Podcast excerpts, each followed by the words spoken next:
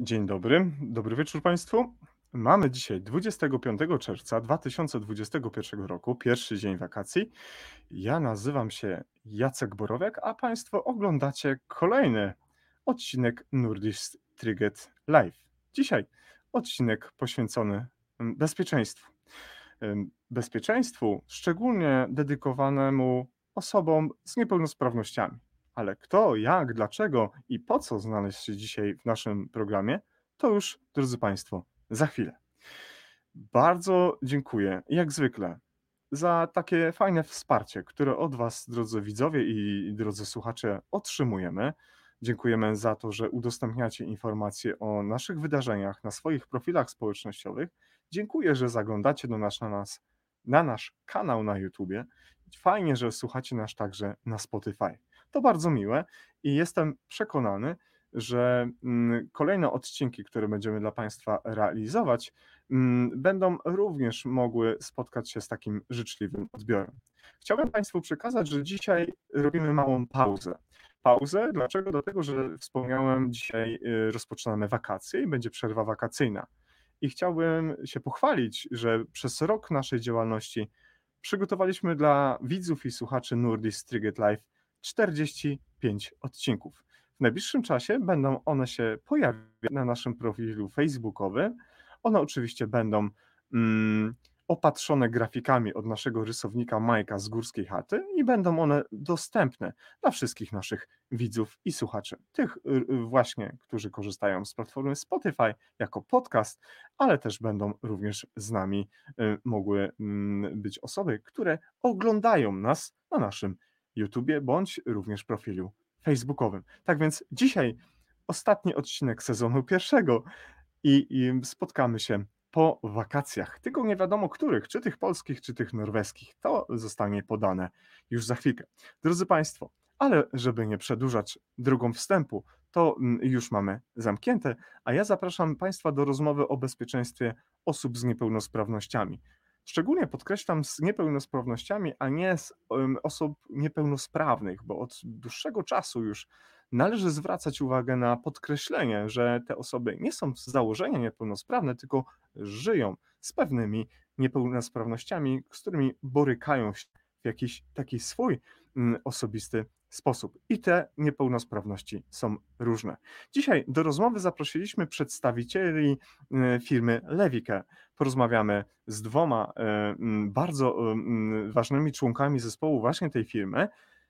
Zanim zacznę jednak ich zapraszać, to jeszcze chciałbym Państwu przekazać bardzo dobrą informację, że dzisiejszy odcinek będzie pionierski również z takiego powodu, że to, co się będzie dzisiaj działo na naszej antenie, będziecie Państwo mogli zobaczyć i dokładnie usłyszeć, ale zobaczyć jeszcze w do, takim szczególnym znaczeniu, bo będą dzisiaj z nami lektorzy języka migowego. Dzisiaj będzie z nami pani Anna i pan Krzysztof, których za chwilkę już tak oficjalnie przywitam na naszej antenie.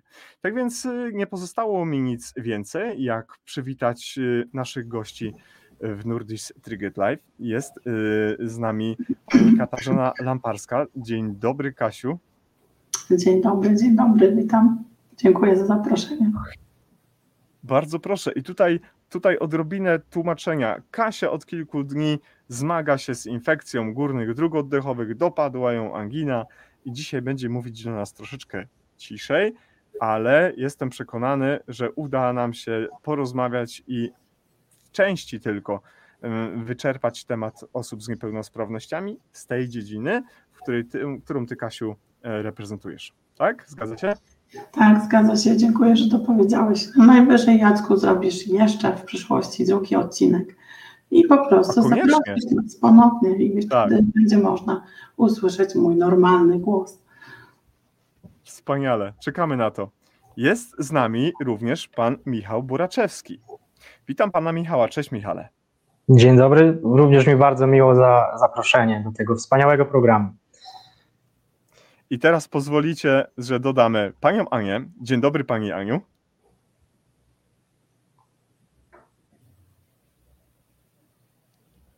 I jest z nami pan Krzysztof. Dzień dobry panie Krzysztofie. Dzień dobry, witam serdecznie. Pani Aniu, nie słyszymy? Pani Aniu, nie słyszymy się? Dzień dobry. Dzień dobry. Drogą wstępu przedstawiam naszym wszystkim widzom i słuchaczom, że będziemy dzisiaj gościć główną panią Katarzynę, Michała, no i was, jako profesjonalnych, zawodowych tłumaczy języka migowego. Dzisiejszy odcinek poświęciliśmy bezpieczeństwu, bezpieczeństwu osób z niepełnosprawnościami.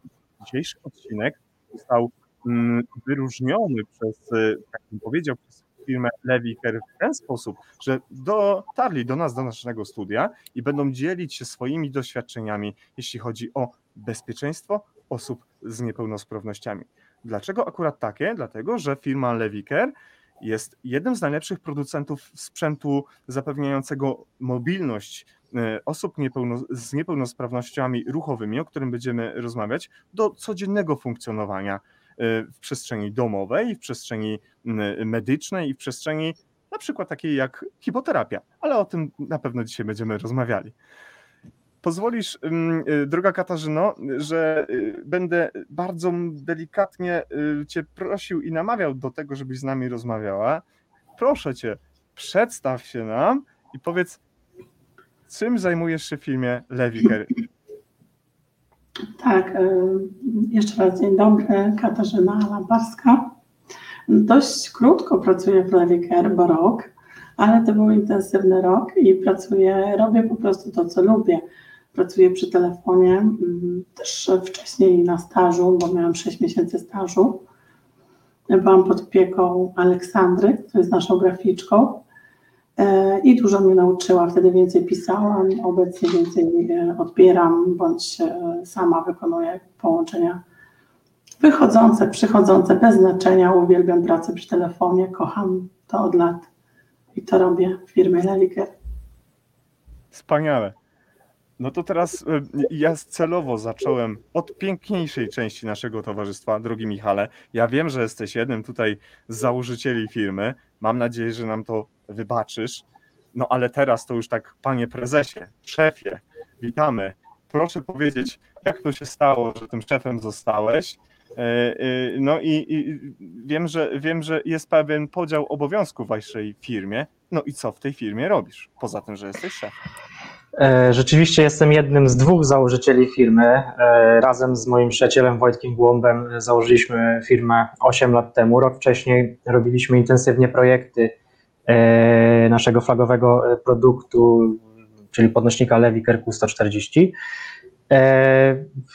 I z firma z dwuosobowej firmy jest teraz na takim etapie, że pracuje u nas 24, pracują u nas 24 osoby o których mogę powiedzieć, że są specjalistami z zakresu e, likwidacji barier, a co za tym idzie, e, zapewnienia bezpieczeństwa osób z niepełnosprawnościami, a także opiekunów w codziennym życiu. Jak to się stało, że firma się tak rozwinęła? Myślę, że dlatego, że robimy fantastyczne rzeczy pracą pomagamy i sprawia nam to ogromną satysfakcję. Yy, I myślę, że to będzie wszystko dalej rozwijało, bo robimy dobrą robotę i uszczęśliwiamy ludzi przez, przez dostarczanie naszych sprzętów. A wracając do pytania, jak stałem się szefem, nie wiem, wyszło to tak naturalnie, może mam pewne zdolności do tego. E, ale lubię, lubię organizować zespół, e, lubię, e, lubię wyzwania i staram się mm, zapewnić odpowiednią organizację moim wspaniałym pracownikom. Nie, nie, będę pytał, czy jesteś dobrym szefem, czy lepszym szefem, bo szef zawsze jest dobry, jak wszyscy wiemy ale to z pewnością pracownicy by mogli więcej powiedzieć. Mam nadzieję, że w przyszłości pojawi się tutaj wasza cała załoga, nawet te dwadzieścia parę osób i będziemy mogli z nimi zapytać, z nimi porozmawiać, czy pan Michał jest dobrym szefem, czy bardzo dobrym szefem. Tak więc tu postawię trzy kropki.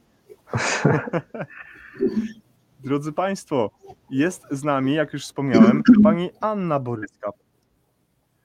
Tak, Y, czy uda się y, coś opowiedzieć o waszej firmie w dwóch zdaniach, czy odniesiemy się może do jakiegoś linku, gdzie można znaleźć informacje o y, tłumaczach języka migowego? Pytasz mnie, czy mojego szefa? Bo Aniu? Aniu? Gdzie znajdziemy hmm. informacje o waszej firmie, która zajmuje się tłumaczeniami, tak? Czy ja, ja występuję teraz w roli tłumacza, więc, e, więc po prostu będę tłumaczyć całe spotkanie, a na wszelkie py- pytania może odpowiedzą inne osoby. Dobrze, dobrze. To ja pana Łukasza, z- pana Krzysztofa będę za chwilkę jeszcze przedstawiał. Dokładnie się do, do tej osoby chciałbym odnieść. Ym, Jesteście tłumaczami, ale też jesteście naszymi gośćmi, tak więc bardzo dziękuję za to, że jesteście dzisiaj z nami. Pojawiły się pierwsze informacje od naszych widzów, od naszych słuchaczy. Są już z nami osoby, które się z nami witają. Dzień dobry, bardzo się cieszę, że ten temat jest e, poruszany. Bardzo się cieszymy, że znalazła Pani dzisiaj troszeczkę czasu. Jest z nami nasz kolega redakcyjny Michał Czerwiński, który pozdrawia wszystkich Państwa bardzo ciepło yy, i napisał szacunek dla Pani Anny za miganie. Dziękujemy bardzo e, Pani Aniu za, za ten za te kwestie. Yy, yy, yy, Również na, na, napisał do nas nasz stały widz, stały słuchacz, pan yy, Grzegorz Lewandowski, którego bardzo serdecznie yy, już teraz w tym momencie pozdrawiamy. Jest pan Zbigniew, który też do nas bardzo często zagląda e, i pozdrawia zarówno gości, naszych wspaniałych wszystkich i pozdrawia nasz cały e, Nurdis Triget Live. Oczywiście zapraszam wszystkich Państwa do zadawania pytań naszym widzom, e, naszym gościom, przepraszam. Widzowie mogą też je zadawać swoim e, koleżankom i kolegom. Będziemy na nie odpowiadać mm, zarówno w formie pisemnej, jeżeli będzie taka konieczność, ale oczywiście widzowie, nasi goście też będą mogli się do tego odnieść. Może będziemy oszczędzać dzisiaj troszkę Katarzynę, więc jak będzie jakieś odpowiedź na równie interesujące pytanie, to może Katarzyna będzie mogła też coś napisać w komentarzach, y, co jest dla nas bardzo cenną y, y, dzisiaj wartością dodaną. Dobrze, moi drodzy, zarówno Katarzyno i Michale, mam jedno pytanie flagowe w Nurdistrigget Live. Jaka jest Twoja definicja bezpieczeństwa? Czym dla Ciebie jest bezpieczeństwo? To teraz dla odmiany, Michał, poprosiłbym Ciebie jako pierwszego.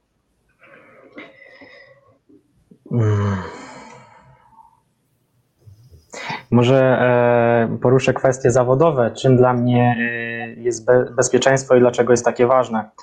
E, produkując sprzęt, czy projektując sprzęt dla osób z niepełnosprawnościami i ich opiekunów, stawiamy sobie kilka waż, najważniejszych punktów. I pierwszym punktem jest bezpieczeństwo użytkownika i bezpieczeństwo osoby, która jest na naszych podnośnikach podnoszona. I to jest właściwie najważniejszy punkt. Kolejnym punktem jest e, funkcjonalność, e, y, wygoda, no i jakość wykonanych produktów. Także e, chcemy, żeby mm, nasi klienci, użytkownicy czuli się w naszych sprzętach bezpieczni i wiedzieli, że są niezawodne, tak? Czym dla mnie osobiście jest bezpieczeństwo, no to myślę, że mogę to określić e, jako stabilizację w życiu, e, e, zabezpieczenie rodziny, no i mało stresu.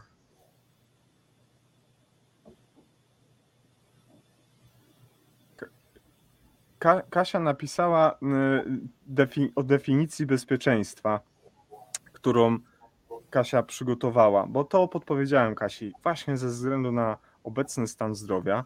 I Kasiu, myślę, że będzie wspaniale, jeżeli tę definicję swoją bezpieczeństwa wkleisz w komentarzu pod naszym wydarzeniem. Myślę, że to będzie takie Twoje, podane naszym widzom i słuchaczom i będą mogli, mogły te osoby przeczytać co e, Katarzyna, która jest jedną- jedną e, z członkiń zespołu Lewiker, sądzi na temat bezpieczeństwa. Taka moja propozycja. Oczywiście wkleję, mm, nawet w sumie lepiej, bo ta definicja moja jest trochę rozbudowana. Dla mnie, jako osoby z niepełnosprawnością, być może się troszeczkę różni, a może wcale nie. W każdym razie y, jest długa, więc masz rację, wkleję ją po prostu. O, o jedną rzecz cię tylko proszę. Dlaczego akurat twoja osoba jest tak ważna do tego, żeby pytać o bezpieczeństwo osób z niepełnosprawnościami? Mogę tylko powiedzieć, że od y, y, długiego już czasu y, posługujesz się takim, taką pomocą, jaką jest wózek inwalidzki. Jak to się stało, że musiałaś zacząć korzystać z tej pomocy? To tylko powiedz w dwóch zdaniach, a definicję bezpieczeństwa wkleimy zaraz w komentarzu. Jasne. Wiesz, od 1996 roku choruję na genetyczną chorobę. Miał tą chorobę mój dziadek. Jest to dystrofia obręczowo-kończynowa, czyli potocznie mówiąc zanik mięśni. E, I można powiedzieć, że jestem takim książkowym, przebieg mojej choroby jest książkowy, czyli najpierw jedna kula, potem dwie kule, potem wózek. E, obecnie już poruszam się na wózku 12 lat. Przepraszam, rozprasza mnie mój pies, który tak głośno chrapie, że muszę go obudzić. Przepraszam Państwa najmocniej. Nie szkodzi. Okay. W, naszym programie, w naszym programie były już świnki morskie, króliki, psy, koty, papugi, e, różne, łącznie z dziećmi, które również dźwięki wydają. Tak więc nie przejmujmy się w ogóle, okay. Może chrapać. Jak chrapie, to znaczy, że dobrze śpi. Jak dobrze śpi, to znaczy, że szczęśliwy. No tak, to prawda. Wybiłam się trochę, więc wrócę do tego, co mówiłam. E, tak, że jeżdżę, o etapach. Mhm, że jeżdżę na wózku już kilkanaście lat w sumie. I tak naprawdę, może to jest zaskakujące dla kogoś, może nie, ale dopiero na wózku poczułam się bezpiecznie. Najgorszym etapem, jaki przeżyłam, był etap o kulach, kiedy nic nie było przewidywalne, kiedy się przewracałam, kiedy Żyłam w wielkim stresie. Paradoksalnie dopiero kiedy usiadłam na wózek, poczułam się bezpieczna. E, I wózek e, nie jest dla mnie jakimś balastem, tylko wolnością. Ten wózek jest moim wszystkim. To są moje ręce, nogi. Więc ja się czuję na wózku jak ryba w wodzie. Bez wózka z kolei czuję się bezradna. Więc e, jest to ogromna pomoc. I tak naprawdę żałuję, że nie usiadłam wcześniej na ten wózek, bo oszczędziłabym sobie wielu, wielu wypadków. A zapytałeś, dlaczego ja, tak w cudzysłowie wezmę tą osobę ważną, nie czuję się ani, wiesz, głosem tutaj jakimś reprezentującym wszystkich, um, którzy mają problemy z mobilnością, tylko mogę mówić za siebie. Miałam kilka poważnych y, wypadków ze względu na złamane BHP w domu Miałam dwa poważne upadki w łazience. Y, jeden skończył się pęknięciem kości i pogotowiem. Y, przeżyłam mini pożar w domu, y, wypadnięcie z wózka kilka, kilka razy. Więc tych wypadków, zwłaszcza przy przesiadaniu się, przy tych transferach, było sporo. I, I myślę, że dlatego z powodu tych przeżyć mogę coś powiedzieć zwyczajnie o, o bezpieczeństwie, tak? Michał, y, jak wejdziemy jakby w temat mm, dalej, jak to się mówi, czym głębiej w las, tym więcej mamy tych drzew, to powiedz mi od pomysłu do realizacji, czyli gdybyś mógł w kilku zdaniach opowiedzieć, jak to się stało, że firma powstała i jak to się stało w ogóle, że od takiego swojego flagowca, no zaczęliście dbać o bezpieczeństwo osób z niepełnosprawnościami, żeby takie sytuacje, jak opowiedziała przed wieką Kasia, no się nie zdarzały, żeby się nie zdarzały wypadki, żeby się nie zdarzały urazy, zarówno u samego pacjenta i osób, które pomagają. Więc jak to było? Od początku, y, y, od pomysłu do realizacji. E, generalnie wszystko zaczęło się na studiach wraz z Wojtkiem Głąbem E, studiowaliśmy taki kierunek e, międzyuczelniany e, inżynieria mechaniczno-medyczna. Część zajęć mieliśmy na Wydziale Mechanicznym Politechniki Gdańskiej, a drugą część na Uniwersytecie Medycznym. Mm, także poznaliśmy wiele zagadnień z zakresu anatomii, biomechaniki, wytrzymałości materiałowej. Takie troszkę pomieszanie z poplątaniem, ale to otworzyło nam oczy na mm, to, jakie są możliwości w stwarzaniu, y, w projektowaniu sprzętów dla osób z niepełnosprawnościami czy osób starszych. Dlaczego właściwie się ja osobiście tym zająłem? Mm, w tamtym czasie żył jeszcze w świętej pamięci mój dziadek, który był bardzo schorowanym człowiekiem i gdzieś tam w tyle głowy miałem że, mm, tą myśl, żeby gdzieś tam go zabezpieczyć, zabezpieczyć też moich rodziców, żeby nie musieli go dźwigać. Myślę, że to było tak mm, podświadomie mm, o tym myślałem. E, mój dziadek też był pierwszym testerem naszych prototypów, e, także e, mieliśmy feedback z pierwszej ręki i z racji tego, że mój dziadek gdzieś tam miał talent i zamiłowanie techniczne, mimo że takiego wykształcenia nie miał, no to dużo wskazówek nam z Wojtkiem dawał. Pierwszy projekt to nie był nasz podnośnik, nasz flagowiec, tylko to była praca inżynierska, którą wykonaliśmy. To było krzesło transportowo-kąpielowe z różnymi regulacjami oparć, oparć e, i, i różnymi ciekawymi funkcjami. E, a po studiach dopiero zaczęliśmy robić nasz mm, podnośnik, który jest cały czas udoskonalany, bo ważne jest opinia rynku, ważna jest krytyka rynku, ważna jest krytyka użytkowników, która napędza nas do tego, żeby wprowadzać jakieś dobre zmiany i żeby produkt był Y, doskonały. Y, teraz robimy wiele nowych produktów i to tak naprawdę klienci nas e, napędzają do działania, wskazują nam drogę, wskazują nam pomysły. E, ja chciałbym też powiedzieć parę ciepłych słów o Kasi e, Lamparskiej, która jest z nami, gdyż no, działam już w branży 8 lat. Od półtorej roku mam taki intensywny czas, gdzie nie zajmuję się tym, co najbardziej lubię w mojej pracy, czyli kontakt z ludźmi, wyposażanie ludzi w sprzęt, czy, czy doradzanie, tylko bardziej organizacją pracy, co jest bardzo żmudne, bo poprawiamy jakość e, obsługi klienta, wprowadzamy systemy zarządzania.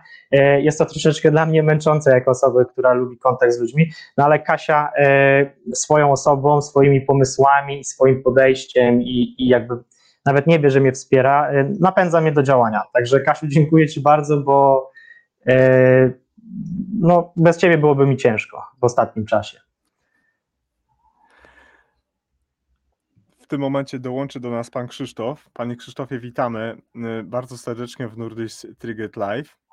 Dziękuję, że mm, zgodził się pan mm, migać y, dzisiaj nasz odcinek. Niesamowita sprawa. Jestem szczęśliwy. Ekstra. Będziemy dalej kontynuować, będziemy dalej kontynuować rozmowę. No i potwierdził Michał tutaj, że jest dobrym szefem przynajmniej. Czy bardzo dobrym, to zobaczymy dalej. E, ale jak już tutaj zaglądam e, w komentarze, które pojawiają się na naszym, e, na naszym tutaj Facebooku, pani Ania Czerwińska napisała, że jest pracownikiem firmy Leviker i potwierdzam, że Michał jest najlepszym szefem. Dobrze, dziękuję za taką piękną Y, o, ocenę. A jeśli chodzi o język migłowy i dzisiejsze spotkanie z naszymi wspaniałymi tłumaczami, to nasz stały widz, pan Zbigniew napisał, miałem do czynienia z językiem migowym na ratownictwie medycznym, niestety nieużywany i niećwiczony uleciał z pamięci, ale pamiętam jak raz mi się przydał i udało się porozumieć z, z, osobą, z głuchoniemą pacjentką. Tak więc raz jeszcze naszym dzisiejszym tłumaczom i wszystkim osobom, które pracują z osobami z niepełnosprawnościami, bardzo za to dziękujemy. Nasze takie pytanie, które chciałbym zadać chyba troszkę Kasi, więc Kasiu, jeżeli gdzieś tam, gdzieś tam jesteś, to bardzo Cię proszę, ale też trochę, trochę, y, trochę do, do, do Michała. Z, z, z jakimi problemami y, kontaktują się, czy zwracają się do Was osoby które na właśnie na różnego rodzaju niepełnosprawne, niepełnosprawności, mm, y, y, y, czy na, może nie narzekają, ale borykają się z nimi. Kasiu, ty jesteś tutaj tak, operatorem tego numeru waszego. Może w kilku zdaniach, jeżeli tylko możesz. Tak, oczywiście. Jeszcze chciałabym tylko dodać coś do um, tego komentarza, który przeczytałeś. E, ten pan pisał, muszę po prostu sprostować, osoby, osoby głuchonieme nie ma czegoś takiego. E, są osoby po prostu niesłyszące, głuche. Mają polski język migowy, a więc nie są nieme. Więc e, musiałam po prostu sprostować, bo nie wytrzymałabym Jacku.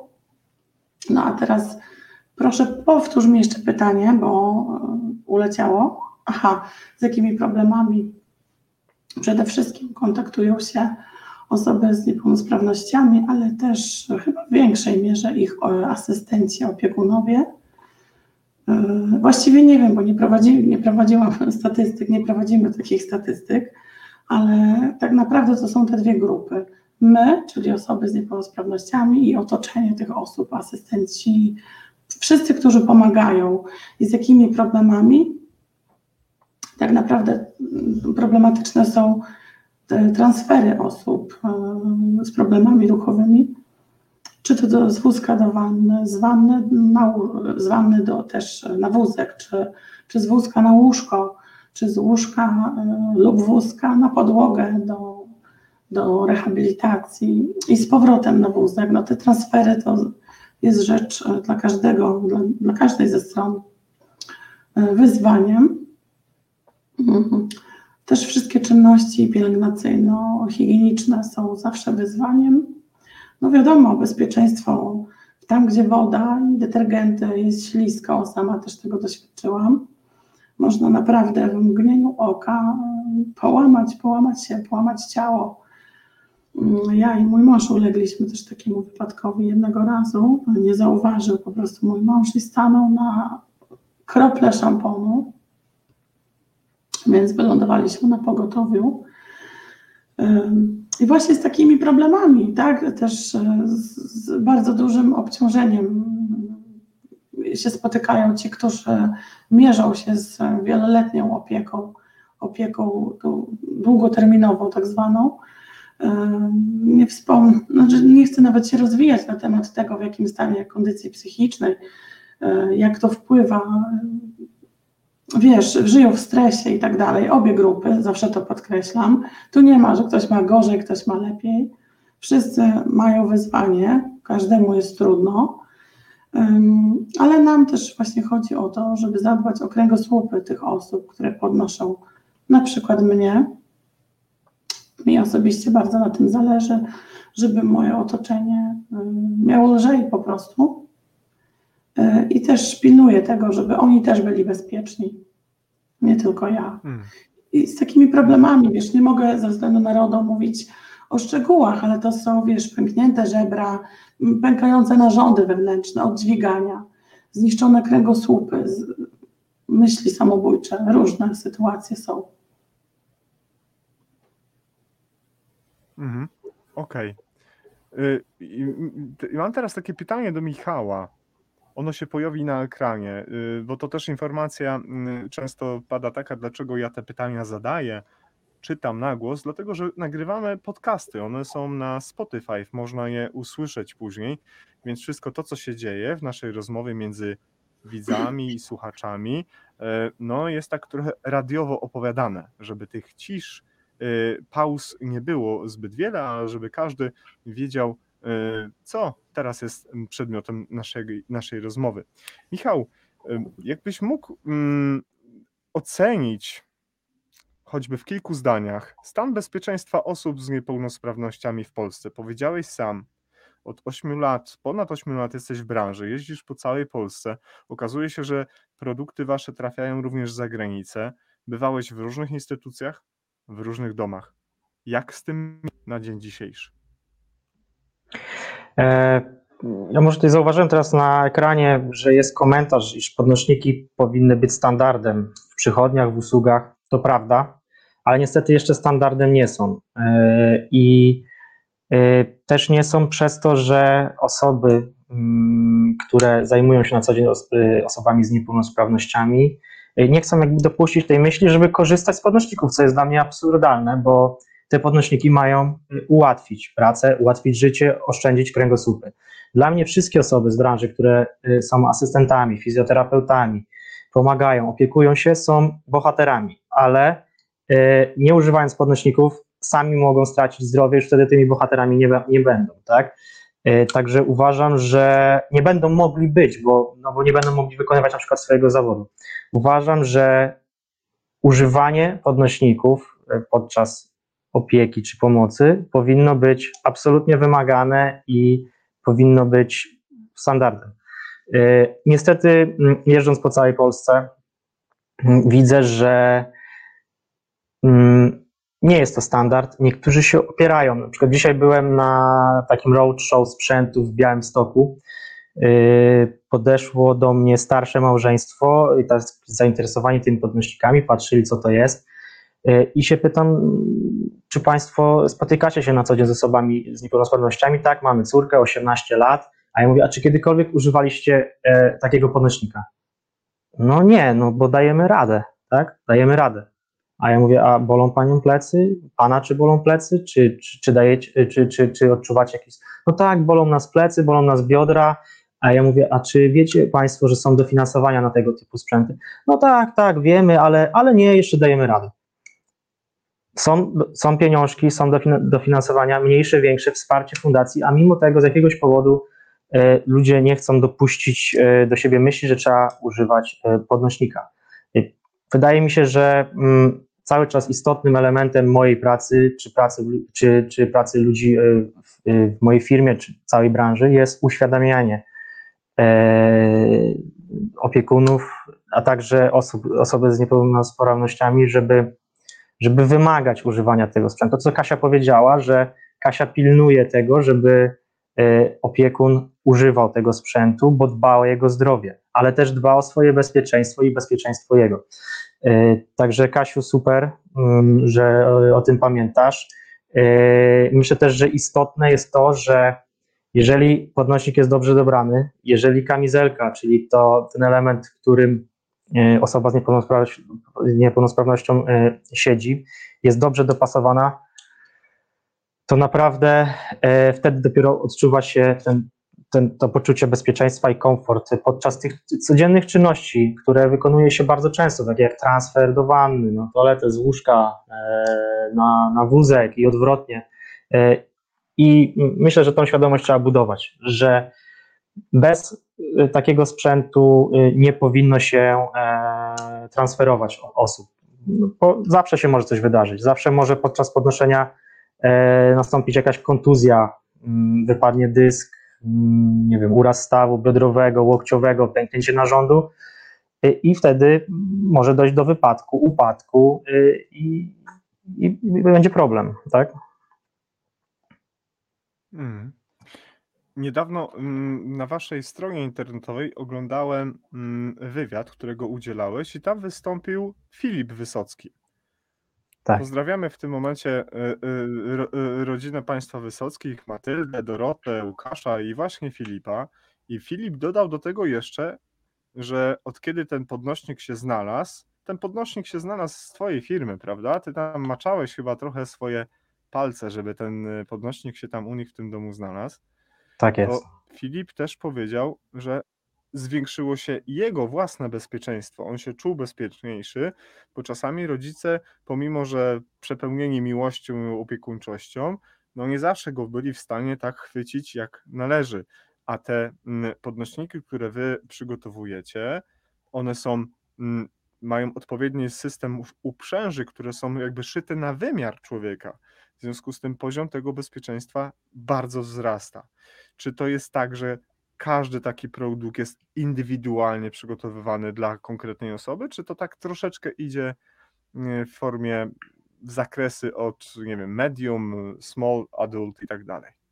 Tak jak mówisz, Jacku, są standardowe modele i, stan i, i, i standardowe rozmiary, tak od XS do XXXL. E, aczkolwiek nasza firma mm, wyróżnia się tym na rynku, że jako producent e, zawiesi tych kamizelek e, jesteśmy w stanie i też nierzadko to robimy, uszyć, uszyć taką kamizelkę na wymiar. Tak? I zresztą to nie tylko mm, chodzi o kamizelki, ale również o wieszaki, na które się podczepia kamizelki, czyli element podnośnika, bo naprawdę każdy człowiek jest inny E, standardy są, ale e, my kładziemy duży nacisk, żeby e, naprawdę każdy czuł się bezpiecznie i komfortowo w naszych produktach. To musi być idealnie dopasowane. Wszystko. Od mhm. tego układu wykonawczego, jakim jest podnośnik, po ten najważniejszy, ostatni istotny element, czyli kamizelkę. Mhm, mhm. poproszę, zaproszę do rozmowy Kasię, a ciebie, drogi Michale, prosiłbym, żebyś mm, otworzył y, nasz profil Nurdistriget, tam znajdziesz naszą relację teraz na żywo i tam pojawiło się pytanie od pana doktora Grzegorza Lewandowskiego. Y, to pytanie jest długie, jest y, kilka elementów bardzo ważnych. Gdybyś mógł w tym momencie się zapoznać z tym pytaniem, i odpowiedzieć na to pytanie najlepiej w formie wypowiedzi albo pisemnej. Y, jest to obszerny tekst. Nie chciałbym tutaj całego ekranu y, y, jakby zasłaniać. Mhm. I jeżeli będziesz chciał się do tego odnieść, to ja to pytanie przeczytam, tak żeby pan Krzysztof czy pani Ania mogli to przemigać, żebyśmy mogli poinformować naszych niesłyszących widzów i słuchaczy, co dzisiaj się tutaj Y, wyprawia, a dokładnie co się wyprawia z odpowiedziami na pytania, które zadają właśnie widzowie. Y, a, a gdzie mogę znaleźć ten tekst, Jacek? Gdzie mogę znaleźć go? W, komen w komentarzach. Ja tobie go zaraz wkleję na naszym czacie okay. y, prywatnym i sobie jakbyś mógł się do tego odnieść. Tak więc zapraszam cię do naszego czatu. A ja zapytam Kasię mm, jako osobę z niepełnosprawnością. Y, o taką mm, ocenę dnia codziennego, tygodnia, gdybyś mogła w kilku rzeczach odpowiedzieć, w kilku kwestiach odpowiedzieć, co bezpośrednio wpływa na bezpieczeństwo osób z niepełnosprawnościami, bazując na własnym przykładzie bądź obserwacji tych, które masz y, ze środowiska, w którym się poruszasz. Bezpośrednio.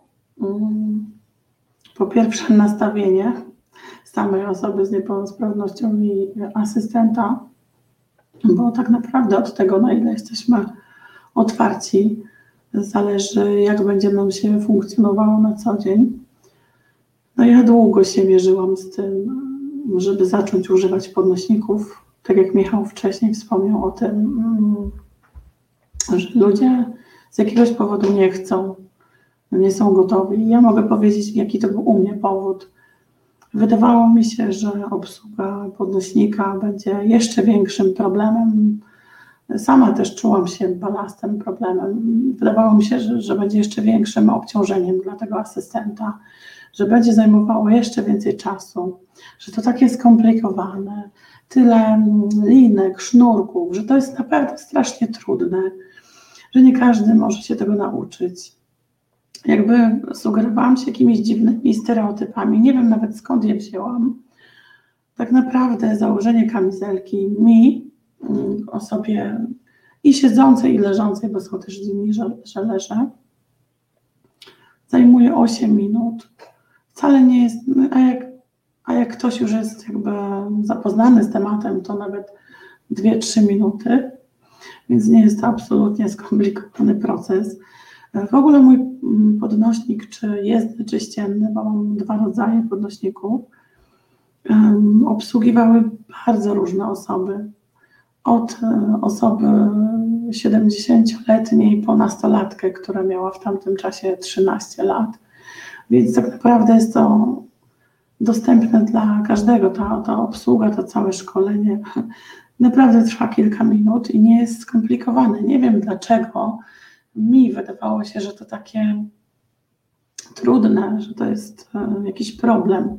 Sama musiałam się najpierw zmierzyć z tym w swojej głowie, przekonać się do tych sprzętów i zajęło mi to za pierwszym razem, mając podnośnik jezdny w domu, naprawdę nie chciałam go używać. Stał półtorej miesiąca, zanim się przekonałam. Dopiero w sumie moja przyjaciółka Joanna mnie przekonała do tego. I jak zaczęłam, tak do dziś e, używam. Później e, miałam, kupiłam jeszcze podnośnik ścienny Q140, który używam w każdym praktycznie pomieszczeniu w moim domu oprócz kuchni, wiadomo. Ale używam go też poza domem przy basenie ogrodowym, żeby móc wchodzić do basenu bezpiecznie i wychodzić w basenie ćwiczę. To dzisiaj nie wyobrażam sobie w ogóle funkcjonowania bez podnośnika.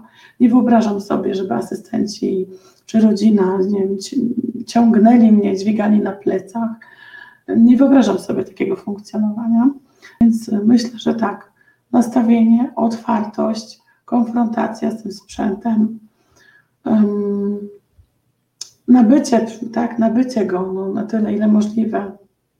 Ja też o, nie korzystałam akurat z dofinansowania, bo w tamtym czasie skorzystałam z dofinansowania na dostosowanie kuchni dla osoby poruszającej się na wózku, więc jakby podnośniki nabyłam z innych źródeł.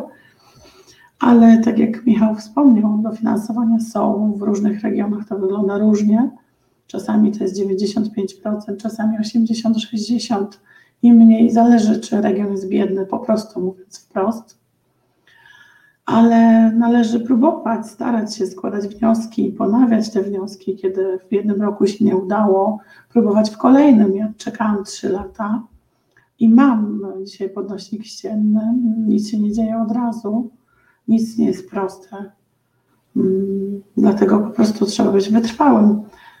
E, Czyli po prostu trzeba zacząć nabyć ten sprzęt, zacząć go używać i wtedy dopiero możemy realnie ocenić my i nasze otoczenie, co się zmieniło. A ja widzę po latach, że bardzo się zmienił komfort mojego życia, naszego życia, wszystkich osób kochanych, które mnie otaczają, bo ja zorganizowałam ogromny system wsparcia i pomaga mi bardzo dużo osób. W ogóle kocham ich wszystkich za to. I wszyscy bardzo chętnie używają moich podnośników. To najważniejsze, że jesteś taką ambasadorką niesienia informacji o prewencji bezpieczeństwa, mówienia o tym wszystkim, co jest ważne z punktu widzenia osoby, która korzysta z takiego, takiej pomocy, mm, jaką jest wózek, którym się poruszasz i w którym czujesz się bezpiecznie. Mówienie o tym w taki sposób, jak ty to robisz, zachęca, żeby się pochylić nad tym tematem, y, przyciąga uwagę, a nie powoduje, nie, nie chcę na to patrzeć, to nie jest moja sprawa, to nie jest mój problem. Y, Dziękuję Tobie za tą postawę, bo kiedy przygotowałem się dzisiaj do spotkania, ale to też w rozmowach, jakie mieliśmy w ostatnim czasie, tak właśnie mi się zaczęłaś kojarzyć. Taka ambasadorka tego, by o tych niepełnosprawnościach i o tej całej otoczce wynikająca z tego świata, w którym przyszło żyć tym osobom, y, żeby było lepsze. Tak więc Pani ambasador, bardzo za to dziękuję. Dzięki, dzięki Jacku. Po, wiesz, pojawiło się Tak, chciałam tylko dodać, że to nie jest łatwe, że to jest proces dla każdego, że to trwa całe lata nieraz, że nie ma edukacji, że nasi rodzice nie używali, nie mieli styczności z tym sprzętem, więc nic dziwnego, że osoby tak dojrzałe, powiedzmy, nie chcą tego używać, bo tego nie znają, a to czego nie znamy, boimy się tego. Mhm. Pojawił się komentarz, pojawił się komentarz pana, pana Zbigniewa. Mieszkam w Niemczech i mam kontakt z osobami, które pracują jako opiekunowie osób chorych, niepełnosprawnych, z niepełnosprawnościami oraz mających problemy z poruszaniem e, i wymagającymi pomocy przy najmniejszych i najprostszych czynnościach. I niestety podnośniki nie są często y, spotykane, ale jak dodaje pan Zbigniew, naprawdę to powinno być złotym standardem w opiece. Tak, panie Zbigniewie, bo właśnie w ten sposób, kiedy budujemy taką przestrzeń, mm, która jest bezpieczna dla nas samych, dla medyków, dla opiekunów e, i dla samych pacjentów, to wzrasta e, i zwiększa się ich komfort życia. Czyli częściej się uśmiechają, częściej rozmawiają, mają częściej ochotę na coś, co sprawia im radość, a nie są izolowani e, i mm, są chyba po prostu szczęśliwsi. A to jest bardzo ważne. Mm, Zapraszam Państwa do tego, żeby zadawać pytania naszym y, gościom i odnośnie, które się pojawiło, jest Michał. Czy udało się Tobie, mm, Michale, mm, zerknąć na te pytanie od Pana Grzegorza? Ja to pytanie oczywiście przeczytam.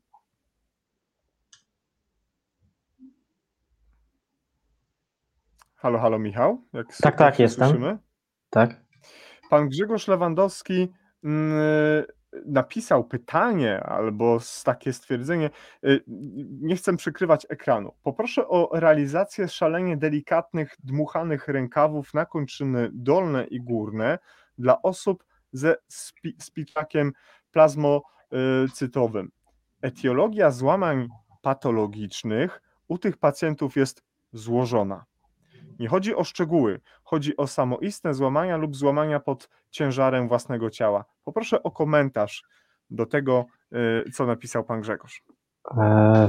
Ja to mogę skomentować tak. Po pierwsze, że dziękuję panu Grzegorzowi za komentarz. Myślę, że też tak powinny powstawać produkty, że na temat takiego problemu, jak Pan wskazał, dyskutują inżynierowie i lekarze, aby odpowiednio podejść do tematu transfery takiej osoby ze schorzeniem, które pan, o którym Pan wspomniał. Dlatego chciałbym się spotkać, skonsultować temat i myślę, że wspólnie możemy taki produkt y, stworzyć, y, który, który poradzi sobie ze wspomnianym problemem. Także Panie Grzegorzu, bardzo chętnie nawiążę kontakt i chętnie omówię ten, ten problem bardziej szczegółowo. Mhm. Bardzo dziękujemy, cieszymy się bardzo, że NT Live staje się taką, takim, przez, taką przestrzenią, takim pomostem łączącym osoby zarówno je, z jednej strony barykady, medyków, no i osoby inżynierów, techników, którzy takie rzeczy wykonują. Michale, jesteś absolwentem Gdańskiego, y, Gdańskiej Politechniki. Tam na tej Politechnice, jako pierwszą pracę y, swoją inżynieryjną, miałeś za zadanie przygotować podnośnik jak powiedziałeś w jednym z wywiadów, on może nie był tak jakoś idealnie wizualnie piękny, ale on zadziałał. Potem praca magisterska, potem, potem kolejne wasze pro, projekty. Powiedz mi proszę yy, tak, jak powinien przebiegać proces montażu udogodnień w domu osoby z niepełnosprawnościami, w instytucji? Od czego należy zacząć? co podpowiedzieć osobie, która boryka się z takimi problemami, żeby od początku do końca przez ten cały proces przejść? Mhm. E, uważam, że e, takie produkty nie powinny być e, absolutnie traktowane jako produkty pudełkowe czy sprzedawane wysyłkowo, gdyż tak czasami się mm, dzieje i też mm, nasi niedoszli klienci, aby zaoszczędzić, dziś kupują jakieś używane sprzęty w internecie. Uważam, że do każdego klienta, który chce zakupić taki sprzęt, który potrzebuje takiego sprzętu, powinien przyjechać fachowiec, specjalista w tej dziedzinie, aby ocenić, jak wyglądają możliwości architektoniczne, a przede wszystkim ocenić potrzeby, jakie ma klient i stan zdrowia. Z konsultacją z lekarzem czy fizjoterapeutą. Powinno być, powinien być zrobiony taki wywiad, co temu klientowi jest tak naprawdę potrzebne, i dopiero wtedy ten sprzęt powinien na podstawie rzetelnych wymiarów zostać zainstalowany. Później powinno nastąpić odpowiednie dopasowanie właśnie na przykład siedziska, które już po, wcześniejszym wywiadzie wiemy, jakie powinno być. No i szkolenie, tak, z zakresu użytkowania, E, aby osoba, która jest podnoszona, wiedziała, jak tego używać lub wskazać, jak tego używać e, opiekunowi, e, którzy często się zmieniają, tak jak Kasia wspomniała, a także, żeby osoby, które będą mm, operatorami tych rozwiązań, wiedziały, jak tego używać albo co zrobić w sytuacji, nie wiem, kiedy pilot się zepsuje. Także szkolenie pomontażowe jest również niezwykle istotne.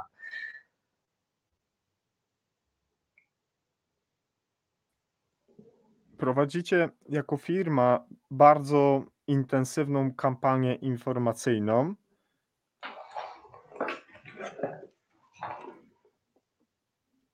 Pojawiła się pani Ania. Dziękuję. Nie zdążyłem. Prowadzicie bardzo intensywną kampanię informacyjną, edukacyjną, jeśli chodzi o docieranie do osób z niepełnosprawnościami, żeby pokazywać, że można inaczej macie swój profil na YouTubie, gdzie pokazujecie konkretne swoje produkty. Pokazujecie, jak je przygotowywać do montażu, jak je montujecie i jak wykorzystujecie. Wspomniałem dzisiaj na początku, że jednym z, w jednym z odcinków pokazywaliście, ty byłeś tym jeźdźcem, że udało się zamontować podnośnik przy, przy no, jak się namówi, e, przy, koniu. przy wybiegu dla koni, tak, gdzie można było bezpiecznie osobę przenieść na grzbiet e, i poprowadzić zajęcia z hipoterapii. Jak to wygląda w rzeczywistości? To tak rzeczywiście wygląda, czy to tak trochę dla kamery było? Nie. E, dlaczego my ten podnośnik tam w ogóle zamontowaliśmy? Dlatego, że dyrektor mm, Fundacji Wróć, e, którą serdecznie pozdrawiam, panią Agatę, chciała zapewnić bezpieczeństwo swoim podopiecznym. Oczywiście zajęcia z hipoterapii bez podnośnika się odbywają, no ale wygląda to tak, że dwie, trzy osoby muszą włożyć na konia dziecko, które może się w każdej chwili wyśliznąć, E, może coś się osobie, która podnosi to dziecko stać, a podnośnik zapewnia jednak to bezpieczeństwo, komfort, odpowiednią stabilizację i cały, cały nasz projekt zakończył się sukcesem. Chciałbym, żeby powstawało więcej takich miejsc, bo mm, te sprzęty, które produkujemy, które projektujemy, nie muszą służyć tylko i wyłącznie do transferu Y, w domu czy w obrębie domu, ale mogą również służyć do y, bezpiecznej rekreacji czy zabawy, y, na przykład hipoterapii, czy włożenie osoby z niepełnosprawnościami na łódkę, chociażby też takie realizacje robimy, czy do basenu. Także myślę, że w całym tym mm, projekcie podnosika do hipoterapii chodziło przede wszystkim o bezpieczeństwo tych osób, które chcą jeździć na koniu, a same nie mogą się na niego wdrapać. Tak?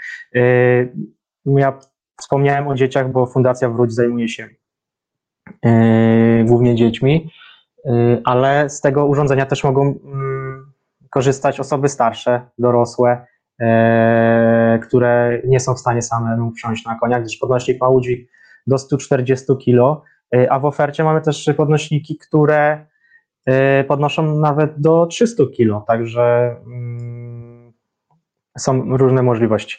Widzę tutaj, że e, jest komentarz na temat e, podnośników u ginekologa przy rentgenie w szpitalu, e, przy kosmetyczce. I bardzo dobry komentarz, w 100% się z tym zgadzam, że tak powinno być. Niestety wiem, że takich miejsc jest mało, aczkolwiek powstają. E, Wrocław według mnie jest liderem, e, jeśli chodzi o powstawanie takich miejsc bez ograniczeń, bez barier, e, ale coraz więcej takich miejsc w Polsce powstaje, to jest budujące, ale jest ich za mało, znacznie za mało. Myślę, że Kasia może się na ten temat wypowiedzieć, bo co chwilę wspomina mi, że to powinno być, tego nie ma. Myślę, że trzeba budować świadomość lokalnej społeczności, że takie miejsca powinny powstawać, wyposażone w sprzęty, E, e, które likwidują bariery, bo e, wymagania architektoniczne mówią o tym, że żeby na przykład łazienka publiczna była dostępna dla osób z niepełnosprawnościami, to musi być uchwyt. Ale z doświadczenia wiem, że większość, większości osób z niepełnosprawnościami ten uchwyt niczym nie pomaga. A hmm. podnośniki, czy już taki cięższy sprzęt, już tak. Także myślę, że Kasia mogłaby dużo na ten temat powiedzieć. E, zdecydowanie musi być takich miejsc więcej. Tak, jeśli Jest mogę się bo nie wiem, czy mogę teraz się odnieść do tego, tak? Absolutnie, no by zostałaś wywołana e, e, do, do tablicy przez Michała, przez szefa, to tym bardziej, no i przeze mnie, ja bardzo chętnie chciałbym posłuchać, boję się o twój głos, więc chcemy cię oszczędzać, ale już mhm. znikamy E, i robimy tobie przestrzeń do tego, żebyś mogła spokojnie się wypowiedzieć.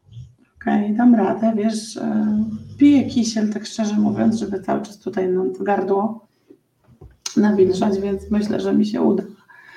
E, a więc tak, no ja w ogóle jestem fanką projektowania uniwersalnego. Oczywiście wiadomo, że nie wszędzie się da i też nie jestem mm, osobą tak zwariowaną, że nagle żądam, żeby wszystkie schody zniknęły i wszystkie bariery. Nie, w ogóle nie o to mi chodzi. Tak naprawdę największym kłopotem, tak jak Michał wspomniał, są takie miejsca użyteczności publicznej. Ja się skupię na szpitalach i gabinetach ginekologicznych. E, tutaj i nie chciałabym wchodzić absolutnie w żadną politykę. Po prostu tutaj jest dużo do zrobienia, dużo do poprawienia. E, jeśli chodzi o dostępność gabinetów ginekologicznych, to wiele miast Polski, dużych, małych, wypada po prostu słabo. My mieliśmy też przyjemność, możliwość wziąć udział w montażu jako Lewiker w, właśnie we Wrocławiu. Ja może później wyślę Ci Jacek link i wstawimy ten link, bo nie chciałabym teraz więcej o tym się rozwijać.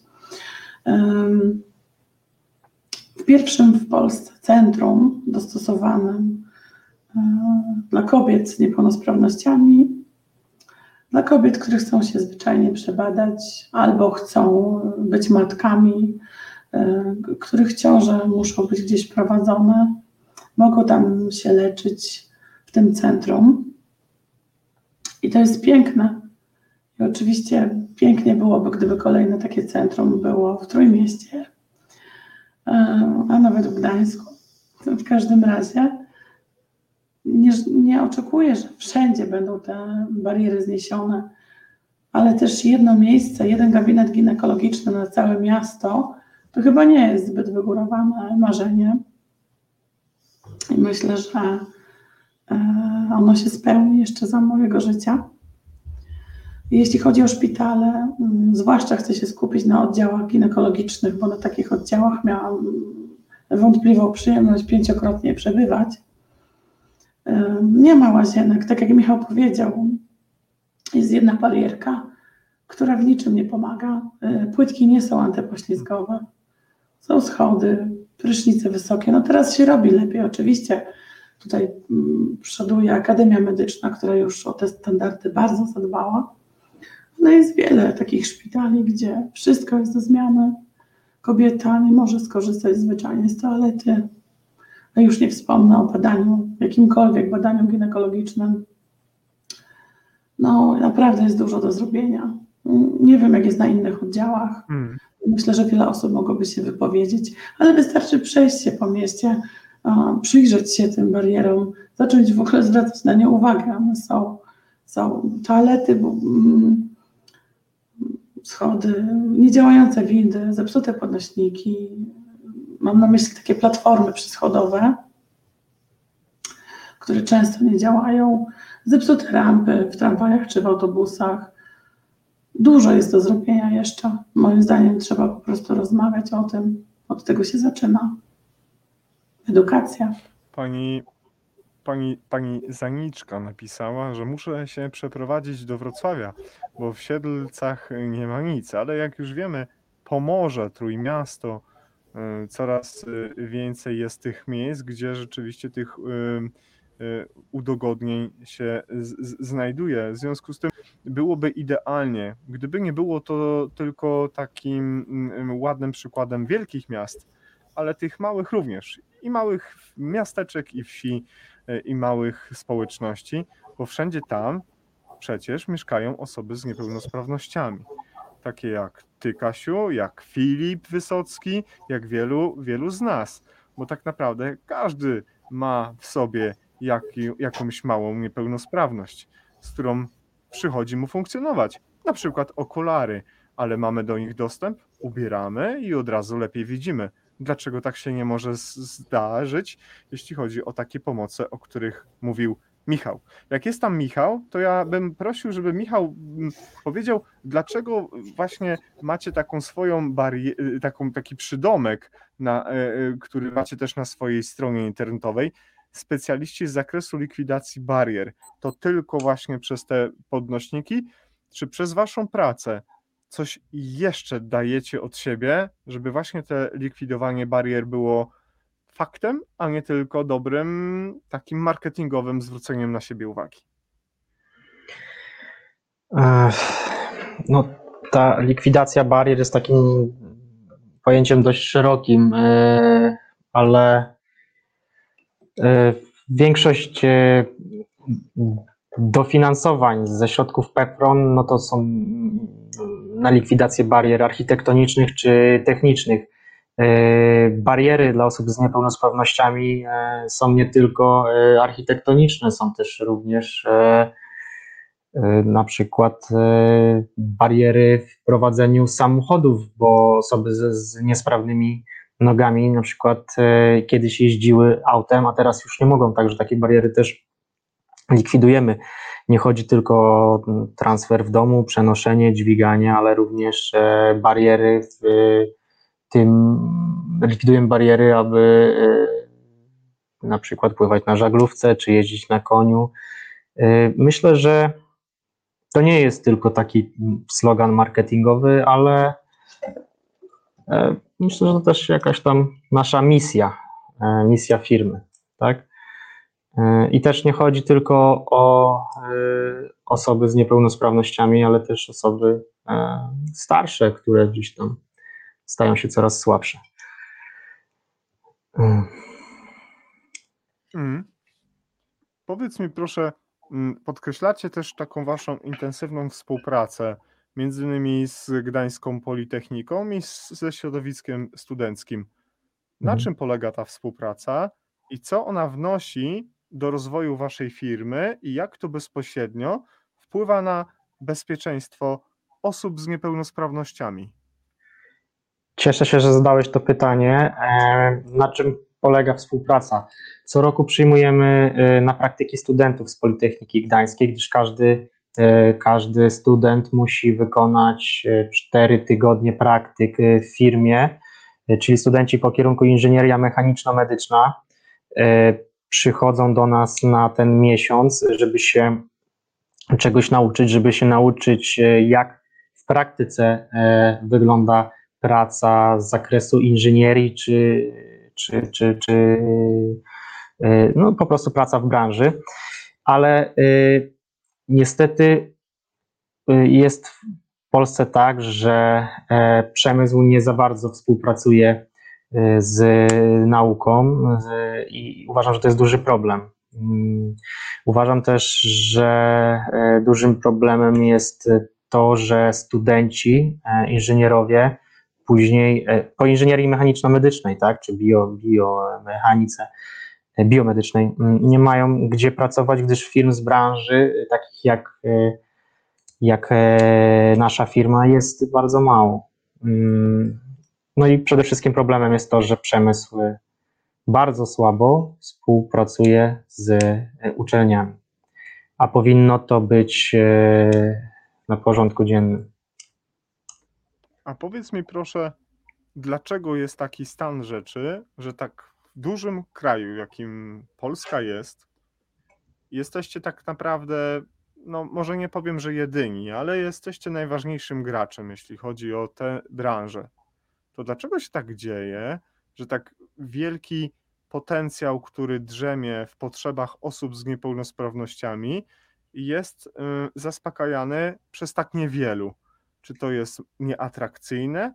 Czy to się nie sprzedaje? Czy to jest trudne, albo czy to jest wstydliwe. Dlaczego tak jest? E, rzeczywiście firm o podobnym profilu jak nasz jest mało. My mamy bardzo wąską specjalizację, bo urządzeń medycznych jest dużo. My się zajmujemy tą szeroko pojętą likwidacją barier, podnośnikami tak, i e, tego typu rozwiązaniami. E, I jest to trudna praca i uważam, że dość mocno specjalistyczna, bo rzeczywiście trzeba mieć wiedzę e, z wielu, z wielu dziedzin, e, praktykę. E, my to mamy mm, też przez te lata, zebraliśmy ogromne doświadczenie z, z tego, mm, z naszej z dziedziny pracy. I myślę, że to jest trudna, trudna dziedzina, trudna specjalizacja, dlatego nie każdy to potrafi zrobić. I uważam też, że nie każdy powinien to robić, tylko specjaliści. A z tym też jest różnie w Polsce, bo e, takich ograniczeń i jakby wymogów, kto może się zajmować taką inżynierią, a kto nie, jest bardzo mało. I są firmy, które nie powinny się zajmować tymi rzeczami, a jest za mało, za mało specjalistów. Mhm. Zanim zaprosimy jeszcze Kasię, chciałbym, żebyś mi mm, realnie ocenił, jak wygląda współpraca e, Państwowego Funduszu, mm, który wspiera osoby niepełnosprawne albo z niepełnosprawnościami, tak zwanego PFRON-u, z takimi firmami jak ty jest realizacją takich projektów, jakie ty i, i, i twój zespół robi? Czy to jest Mhm. przyjemne, czy jest to raczej tak zwana droga przez mękę? E, myślę, że współpraca takich firm jak my, czy generalnie współpraca na linii klient e, Państwowy Fundusz Rehabilitacji Osób Niepełnosprawnych e, uległ znacznemu polepszeniu, gdyż chociażby w zeszłym roku wprowadzono możliwość składania wniosków online, czego nie było. I też wiele ludzi się skarżyło, że nie może wyjść z domu, a muszą złożyć wniosek. Teraz to można zrobić online, więc to się poprawiło. Jeśli chodzi o statystyki sprzedażowe, to też widać tendencję taką, że tych dofinansowań jest coraz więcej e, i też ludzie coraz częściej po nie mm, sięgają. E, Kasia wspomniała też, że e, w każdym regionie te środki są przydzielane w innym stopniu, jest inaczej. Tak, rzeczywiście tak jest. Mogę powiedzieć, że w jednym województwie na dany sprzęt, który załóżmy kosztuje 15 tysięcy złotych, nasz klient dostaje dostaje 1500 zł dofinansowania, a w drugim województwie 95% tak, tej kwoty.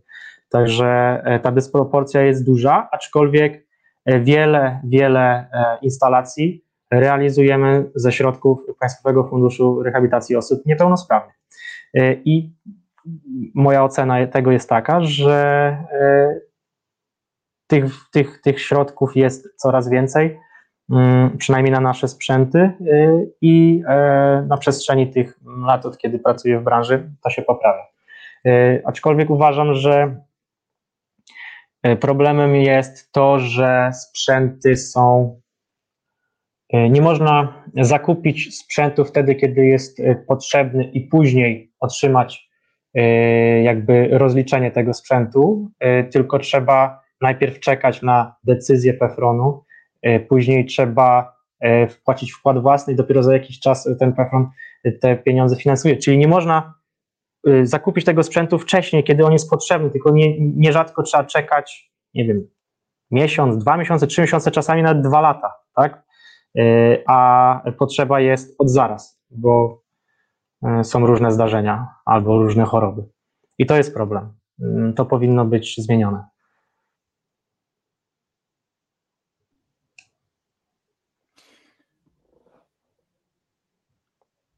kolejne pytanie.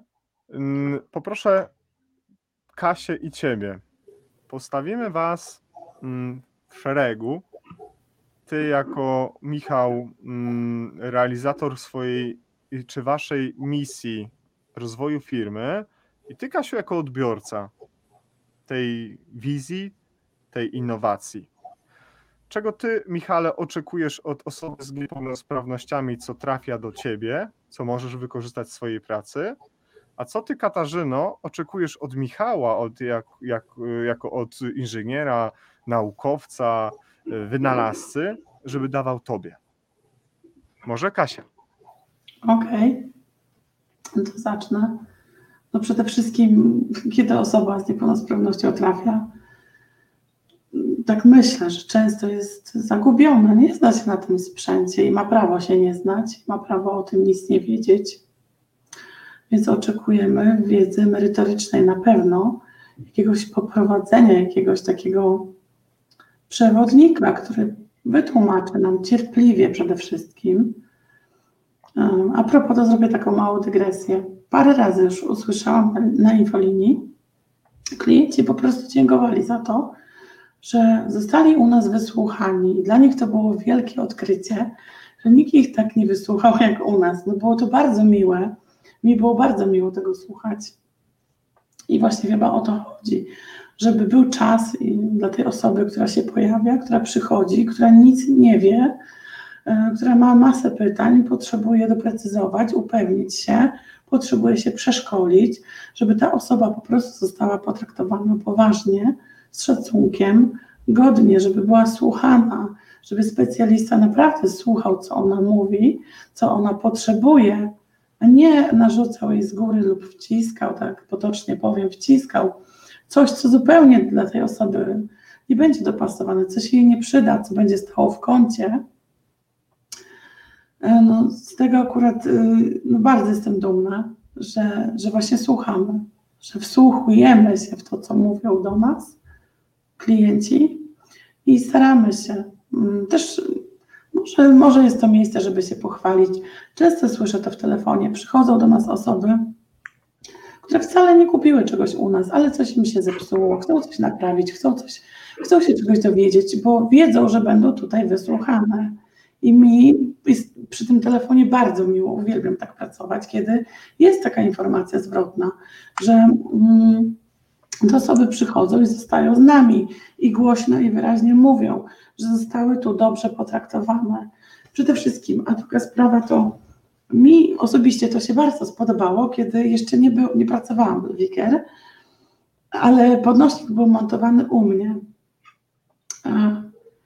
Ten montaż jest sprawny i bardzo czysto to się odbywa. Nikt nie zostawia żadnego bałaganu po sobie i taki powinien być standard moim zdaniem, no bo ja zwróciłam na to uwagę od razu. Jako osoba, która nie za wiele może sprzątać, doceniłam to bardzo. To taki, taka mała dygresja, ale przede wszystkim to słuchanie, słuchanie i odpowiadanie na potrzeby. Też wiele innych miejsc, że tak powiem, znam, byłam. Nie zawsze to się dobrze kończyło. Może to nie jest zbyt budujące, żeby o tym mówić, więc to pominę. Słuchanie tej osoby z niepełnosprawnością, a jeśli ona nie może mówić albo przyjść, bo jest osobą leżącą, to słuchanie tego asystenta, tego, kto jest najbliżej, kto wie lepiej, po prostu wie lepiej. I te dwie strony, kiedy się słuchają, to każdy na tym korzysta. To A widzę. Dlaczego Michał? Dlaczego Michał Boraczewski jako, jako współzałożyciel Lewiker oczekuje albo czego by chciał od osób z niepełnosprawnościami?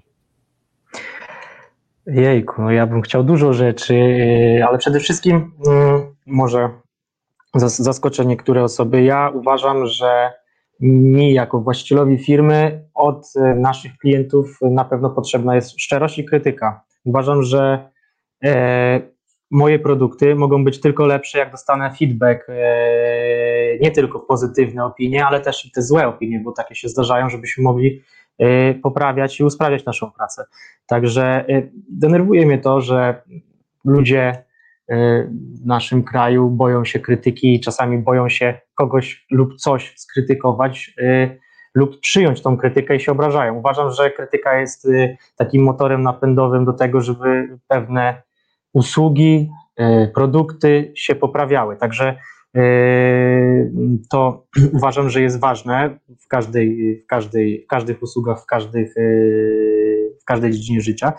Ale a drugą rzeczą, której oczekuję od naszych klientów jest to, aby traktowali jak nas specjalistów, którzy się na tym znają, którzy przychodzą doradzić im, wybrać najlepsze rozwiązanie, chociaż chociaż y, wiem, że y, niektórzy już się sparzyli na innych firmach z branży, bo dużo firm jest takich, które sprzedaje, żeby sprzedawać, e, tak, żeby zarobić. My sprzedajemy po to, żeby pomóc, żeby, żeby ułatwić ludziom życie. Mm, no i tego bym sobie życzył. Czasami zdarza się, że e, słyszymy jakiś komentarz, że a wasz produkt jest za drogi, y, są tańsze i kupmy tańsze z internetu z Allegro. Oczywiście można tak zrobić, ale e, w cenie naszego pro, pro, produktu e, kryje się praca 24 osób, które intensywnie pracują nad rozwojem e, naszej marki, naszych produktów i to nie są mm, produkcje wielkoseryjne, tak, gdzie oszczędza się na wszystkich kosztach. To, są, to, to jest małoseryjna produkcja, a do tego jeszcze jest pełno etapów od y, etapów naszej pracy, od kontaktu z klientem po zakończenie całej realizacji. Także życzyłbym y, sobie mm, po prostu, żeby klienci y, korzystali z usług fachowców, czyli, czyli nas, a nie kupowali gdzieś tam sprzęt w ciemno przez internet. Bo to nie ma żadnego sensu. Taki klient i tak nie będzie zadowolony z tego, co zakupił, bo nie jest to dobrze dopasowane i tylko naraża się na dodatkowe koszty. Mhm. Czy jest z nami gdzieś Kasia? Kasia, jesteś gotowa? Jeszcze możesz mówić? Tak, jeszcze mogę i właśnie chciałam do, dopowiedzieć do tego, co Michał powiedział, bo mi to umknęło, że jeszcze udźwig jest dla mnie bardzo ważny. No jestem osobą e, plus size, e, a więc udźwig też mnie zafascynował. Jak zobaczyłam, że na tym podnośniku świeżo zamontowanym u mnie wtedy w łazience e, uwiesiło się dwóch mężczyzn i wiszą w powietrzu i, i nic się nie dzieje, to uspokoił mnie to totalnie. Stwierdziłam, że skoro taki podnośnik można udźwignąć 140, czy nie wiem, samochodowy podnośnik Milford 150 kg, albo i więcej, zresztą tak jak Michał wspomniał wcześniej, podnośniki, które podnoszą ponad 200-300 kg, no to naprawdę można się poczuć bezpiecznie. Ja jako osoba plus size lubię, naprawdę nawet lubię wisieć w powietrzu na tym podnośniku i moje asystentki, czasem im mówię, żebym zostawiła mnie tak na chwilę, bo mi jest wygodnie po prostu. I często sobie wiszę i rozmawiamy, i to może z boku śmiesznie wygląda, ale przynajmniej jest to przez chwilę inna pozycja niż tylko siedzenie w wózku. E, I lubię to, jest, jest, jest w porządku. No, nie chcę może podawać tutaj publicznie mojej wagi, ale jest to liczba trzycyfrowa. Ale w tych sprzętach czuję się bezpiecznie i one po prostu dają radę. Mhm. Czyli można powiedzieć, że często lewitujesz półtora metra nad ziemią. Skoro Tak. lubisz y, tak sobie powisieć i się trochę pobujać, to Tak. znaczy, że ten stan jest y, s- w twojej przestrzeni bardzo częstym gościem. No, nie chcę użyć słowa, że zazdroszczę, ale poczucie takie, że się trochę lata, no Kasia, naprawdę. Możesz zazdrościć, możesz zazdrościć, codziennie latam, więc jest w porządku. Kiedy ostatnio tydzień temu realizowaliśmy odcinek z pilotami lotniczego pogotowia ratunkowego i za- zarówno Martyna i zarówno Krzysztof opowiadali o swojej pracy, no to ty jako nasza stała y, również słuchaczka i widz, no mogłaś się tutaj trochę z nimi y, powymieniać doświadczeniami. A ja chciałbym zapytać ciebie o taką kwestię. Mm, Na stronie internetowej Lewiker jest napisane, y, jak już wspomnieliśmy, specjaliści z zakresu likwidacji barier. Działamy na terenie całej Polski, y, przedstawiamy darmową prezentację i zaciekawiła mnie jedna rzecz. Wizualizacja i kosztorys. Tak jak kosztorys jest kwe- kwestią zrozumiałą, tak jak wygląda taka wizualizacja? Bo powiedziałaś sama, że masz taki podnośnik. Jak to zostało przygotowane? Jak to zostało jakby zwizualizowane? Okej. Wiesz co, może powiem na przykładzie tego y, podnośnika, tego słupka, który mam przy basenie ogrodowym. Y, Mam podnośnik ścienny Q140. On jest y, na tyle sprytnym urządzeniem, że można je przenosić między pomieszczeniami, ale i też, jak słyszysz, używać na zewnątrz. Więc ja używam go też przy basenie. I sama na początku nie za bardzo sobie wyobrażałam, jak, jak to dokładnie będzie. Kiedy dostałam w ofercie na maila też przygotowaną wizualizację, no to wtedy po prostu załapałam, jak to będzie wyglądać. Po prostu w takiej wizualizacji bardzo dokładnie grafik to przygotowuje i bardzo dokładnie widać, gdzie będzie dany obiekt, y, jaki jest zakres y, tego ruchomego ramienia. Wszystko jest wzięte pod uwagę, waga użytkownika, no, wszystkie te parametry, które są niezbędne, żeby to było bezpieczne yy, i żeby też była przestrzeń jakaś yy, po prostu do obrotu, żeby ten yy, osoba z niepełnosprawnością razem z tym asystentem, żeby mieli miejsce również, żeby ubrać się w te siedziska, w te, w te szelki, żeby mogli, żeby mieli jakikolwiek ruch. I na tej mojej wizualizacji podnośnika na słupku przy basenie ogrodowym dokładnie wszystko było rozrysowane, włącznie z tym, mm, jaki zasięg będzie miało ramię, gdzie ja wyląduję fizycznie w wodzie. Więc po prostu mogłam sobie to od razu wyobrazić. A dopowiem jeszcze, że później z czasem e, dokupiłam jeden element, który się nazywa adapter. I nie mylić z adapterem, urządzeniem do słuchania muzyki. E, I dzięki temu e, jednemu metalowemu elementowi, temu adapterowi, to ramię podnośnika sięga jeszcze głębiej, więc w tej chwili mogę wejść naprawdę głęboko w wodę, na środek basenu i po prostu już bez żadnych ograniczeń ćwiczyć dookoła mnie jest tylko woda. E, I właściwie takie wizualizacje uważam, że dla osób, które no nie miały z tym styczności, które nie wyobrażają sobie, nie są tak zwane techniczne, to jest świetna sprawa, bo mogą dzięki temu przyjrzeć się bliżej i zdecydować, czy one tak chcą, czy one jednak, czy coś im nie podoba się ewentualnie dyskutować, pytać, mm, tak żeby wizja sprzedawcy i wizja kupującego zgadzała się, żebyśmy się spotkali w połowie drogi. Mhm. Kasiu, może jest gdzieś Michał. Zapraszam Cię, Michale, raz jeszcze. Powiedzieliśmy dzisiaj o wielu bardzo znaczących kwestiach, jeśli chodzi o konieczność używania takich środków pomocowych, takich środków wsparcia, do czego na pewno nie nadają się tego typu podnośniki, do czego na pewno nie można wykorzystać takich urządzeń, y, które Lewiker projektuje, przygotowuje, sprzedaje i zajmuje się całą mm, pomocą serwisową. Do czego na pewno się one nie, nie przydadzą? Może Michał. Nie bardzo rozumiem pytanie. Czy trafiają do Was pacjenci, którzy mają jakiś problem i powie, o, tutaj rozkładacie ręce i powiecie, tutaj nie możemy Państwu pomóc. Czy są takie mm, sytuacje? I są takie sytuacje, jeżeli są prze, przeciwwskazania medyczne, jeżeli lekarz z jakiegoś powodu zabroni na przykład y, podnoszenia w kamizelce, tak jak pan Grzegorz y, y, w komentarzu napisał, bo na przykład jest za duży nacisk na na, e, na UDO, mm, więc przeciwwskazania lekarza, tak, czy fizjoterapeuty.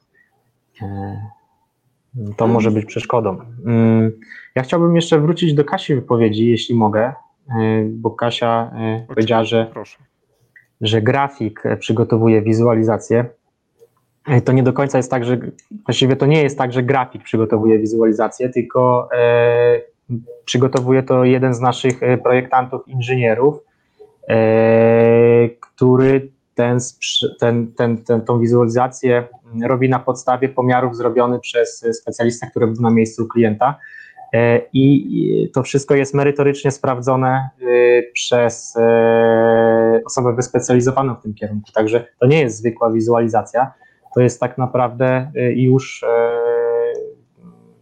obraz tego dopasowanego sprzętu. E, ty, Jacku, wspomniałeś o kosztorysie. E, tak, robimy kilka e, opcji, jakie mogą być zainstalowane na przykład w domu czy w instytucji. Robimy opcję tańszą, droższą, bo nie wszystkie nasze urządzenia są finansowane z dofinansowań, a wiadomo, że możliwości finansowe klientów są różne. A jak już ktoś do nas dzwoni, to potrzeba używania takiego naszego sprzętu jest, więc chcemy zrobić wszystko, żeby klient jak najszybciej mógł z tego sprzętu korzystać. Yy, bo czasami one są niezbędne do tego, żeby żyć, żeby funkcjonować. Mhm. Kasiu, jakbyś tak. mogła się odnieść do tego, yy, co ja zapytałem, do czego na pewno się to może tutaj nam nie, nie, nie przydać, ale ja celowo zadaję to pytanie, bo to jest jakaś taka inspiracja dla naszych inżynierów i wynalazców, żeby jeszcze bardziej rozwijać swoje Twoją innowacyjność. Okej, okay. tak, w ogóle dziękuję, że tutaj Michał dopowiedział, bo ja faktycznie używam skrótu myślowego. Oczywiście też e, wiadoma sprawa, że to wszystko specjaliści e, przyglądają się temu, liczą, analizują dopiero później, tak jak Michał powiedział. Dobre sprostowanie, dziękuję. Wiesz, myślę, że tak. Miałam jeden taki telefon na, infolinii, więc nie wiem, czy o to Ci chodzi, Jacek, ale E, otóż ktoś mnie pytał, czy to, czy to się będzie nadawać do przenoszenia jakichś beczek. Nie wiem z czym, z piwem, winem, nie wiem, nie pamiętam. Na pewno nie robimy takich rzeczy, bo to nie jest sprzęt dedykowany do przenoszenia jakichś urządzeń innych, tak? Tylko jest to sprzęt dedykowany ludziom. Więc to bym tak dopowiedziała.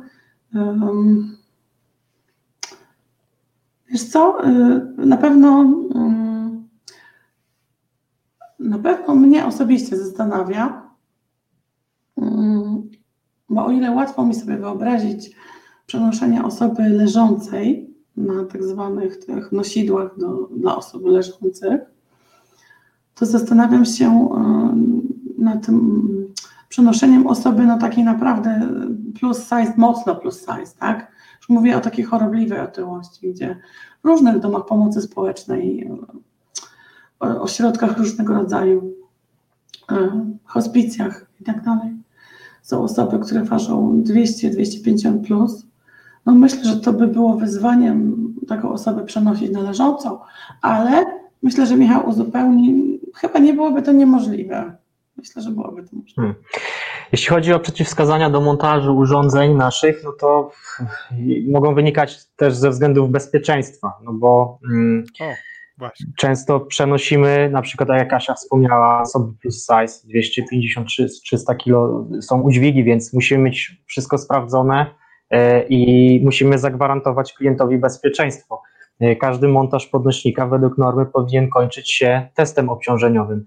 E, I jeżeli mm, mamy złe struktury architektoniczne budynku i nie jesteśmy w stanie zrobić jakiejś podkonstrukcji czy dodatkowych elementów, no to przeciwwskazaniem mogą, może być na przykład e, zły stan architektoniczny budynku. Aczkolwiek rzadko się to zdarza, bo my możemy zrobić e, dzięki naszym zdolnościom produkcyjnym podkonstrukcje, elementy wzmacniające i e, po obliczeniach wytrzymałościowych e, zamontować e, urządzenie lub wybrać takie, które nie musi być montowane.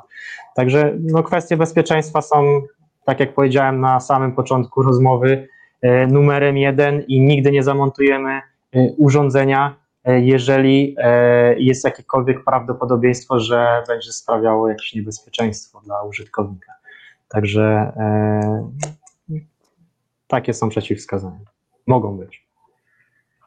Ja, ja celowo zadałem to pytanie, żeby usłyszeć od Was pewne ograniczenia, które czasami się pojawiają. I one mogą wynikać właśnie z ograniczeń sprzętowych, technologicznych, architektonicznych. I bardzo się cieszę, że o nich teraz powiedziałeś, Michał, bo może warto mm, zastanawiać się nad rozwiązaniami, gdzie mm, będą one służyły osobom z niepełnosprawnościami do tego, żeby miejsca, w których te osoby mieszkają, już na bazie remontów, może zmian, y, były przygotowywane w taki sposób, żeby ta przestrzeń była dla nich bezpieczniejsza.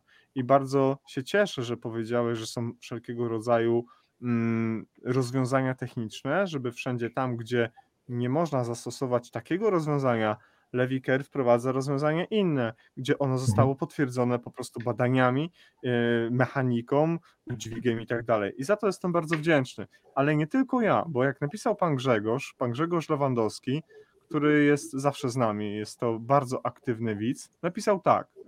Dziękuję za wkład pana Michała w realizację potrzeb i spełnienie oczekiwań osób z niepełnosprawnością.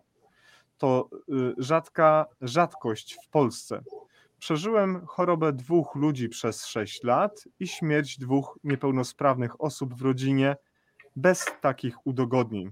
Państwo i system zostawia nas samych z problemami obsługi ciężko chorych w środowisku e, domowym. Pozdrawiam nas pan Grzegorz. I teraz nasuwa się moje pytanie. Gdybyśmy żyli w idealnym świecie, to jak byście chcieli, żeby dom, przestrzeń osób z niepełnosprawnościami wyglądała. By taka audycja jak dzisiaj skupiała się na innych kwestiach, a nie tylko na tym, y, albo w dużej części na tym, że jest bardzo dużo do zrobienia. Katarzyna. Tak, uśmiecham się, bo wiesz, w idealnym świecie nie będę potrzebować wózka, ale to musi być taka przestrzeń, gdzie masz swobodny dostęp do łazienki, sypialni, kuchni, do wszystkich najlepiej pomieszczeń w swoim domu, gdzie możesz w miarę swoich możliwości być powiedzmy osobą samoobsługową. No ja jeszcze póki co mogę, jeśli zostanę sama, dość e, sobie poradzić w kuchni, ale już w innych, mm, jakby przy innych czynnościach, czy przesiąść się do łóżka samodzielnie jest mi trudno, czy w łazience, no po, potrzebuję jednak tej pomocy, tej, właściwie, żeby ktoś po prostu był, żebym się też czuła bezpiecznie. I to dopasowanie tego miejsca, w którym mieszkasz, jest najważniejsze. I mi się to udało w tym momencie. Wiele lat dążyłam do tego, żeby, żeby mój dom był przestrzenią dostosowaną, bezpieczną e, i też, żeby mogła gościć po prostu inne osoby z niepełnosprawnościami, e, żeby tu się wszyscy dobrze czuli. Mhm. No, teraz pracujemy nad domem mojego męża, taty. Tam jest jeszcze wiele do zrobienia. Póki co nie jest to przestrzeń ani bezpieczna, ani dostępna, ale pracujemy nad tym, żeby przynajmniej w tym roku, żeby dostępną się stała.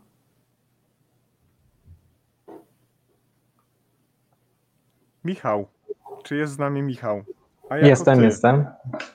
Jako współzałożyciel firmy, jako mm, inżynier, jako specjalista, jak ty wyobrażasz sobie idealny świat, w którym osoby z niepełnosprawnością korzystają z tego typu udogodnienia twoje? I tu bym ciebie też prosił, jakbyś mógł podać nam jakieś wskazówki systemowe, legislacyjne na to, żeby poprawiać obecną sytuację, żeby życie twojej firmy i w konsekwencji życie nas, opiekujących się osobami z niepełnosprawnościami, medyków, niemedyków, asystentów, była e, jeszcze lepsza.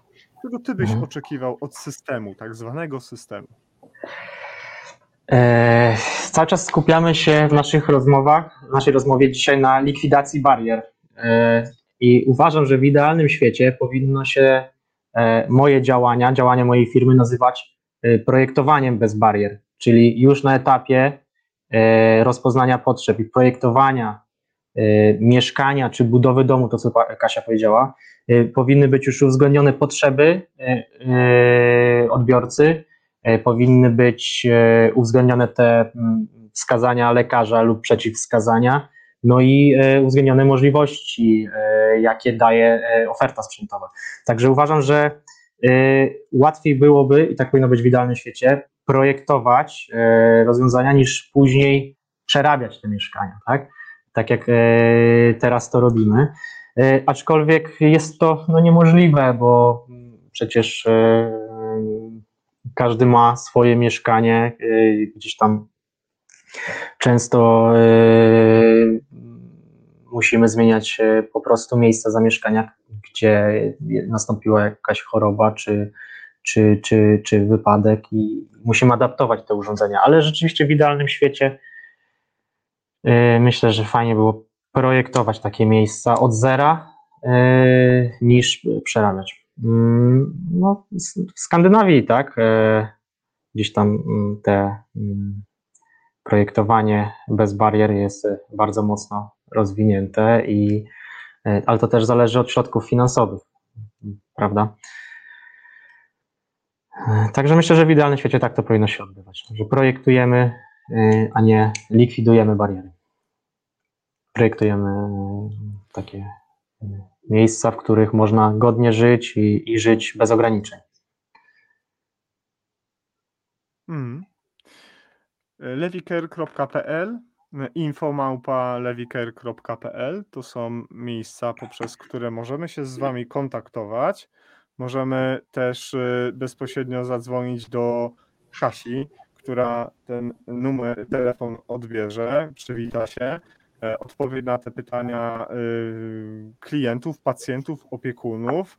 Jeżeli będzie sprawa super zaawansowana, przekierowana zostanie ona do działu technicznego i tam inżynierowie, y, specjaliści się, rozumiem, tym będą zajmowali. Tak więc y, jest jeszcze ten kanał na YouTubie, o którym rozmawialiśmy. Tych filmów tam chyba macie już prawie koło chyba 60. Tak więc Wam za to również dziękuję. Tam często w roli głównej jest Michał jako sam szef, ale on pokazuje, że jest to bezpieczne. No skoro ja tam szef i boss byłem, no to tym bardziej będą tam e, wszyscy, wszystkie te osoby, którymi dedykujemy nasze produkty. W tym momencie, drodzy y, goście, drodzy widzowie i słuchacze, chciałbym wręczyć malutki upominek naszym e, zaproszonym tutaj osobom. Jak zwykle wiecie, że nasz Mike Rysownik ilustruje spotkania w Nordic Trigger Live. jak już dzisiaj wspomniałem, przez ostatni rok, właśnie obchodzimy rok, pierwszy, pierwszy rok działalności, 45 odcinków ponad 90 godzin nagrań na żywo z, z gośćmi różnej y, przestrzeni i medycznych, i ratownictwa medycznego, i bezpieczeństwa. Tych osób było blisko blisko 60 osób, tak więc dzisiaj jest wyjątkowy dzień, bo zamykamy pierwszy sezon. Zamykamy y, pierwszy sezon wspaniałym odcinkiem z firmą Levi Care i z Katarzyną, z Michałem, z panią Anią i z Krzysztofem i z naszymi widzami, ale zanim to się stanie, to chciałbym wam przedstawić właśnie tę grafikę, którą narysował nam y, Mike y, z Górskiej Chaty. Jak wiecie, drodzy Państwo, nasz y, Mike rysuje mm, rzeczywistość właśnie w taki swój bardzo specyficzny sposób. I tutaj poproszę, mm, to znaczy ja przeczytam tekst, który został napisany w komiksie, który można zobaczyć na naszym facebookowym profilu. Ty wiesz co, Franek? Jak tu wiszę, spłynął mi do głowy pomysł, jak można by alternatywnie wykorzystać te wszystkie liny i bloczki. Ja nie wiem, czy tak powstało dokładnie e, Lewiker. Wiemy, że powstał pierwszy projekt e, krzesło kąpielowo-prysznicowe, ale ja myślę, że jak Michał e, Buraczewski ze swoim kolegą, jeżeli dobrze pamiętam, Wojciechem Gołąbem, spiknęli się i uznali, że tak, ziomal, robimy świetną firmę i będziemy robić świetną robotę, e, to chyba trochę tak było. Ten prezent e, Anno Domini 2021 21, 25 czerwca, przepraszam, na zamknięcie sezonu pierwszego z Nordic Live wędruje do ciebie, do was, moi drodzy.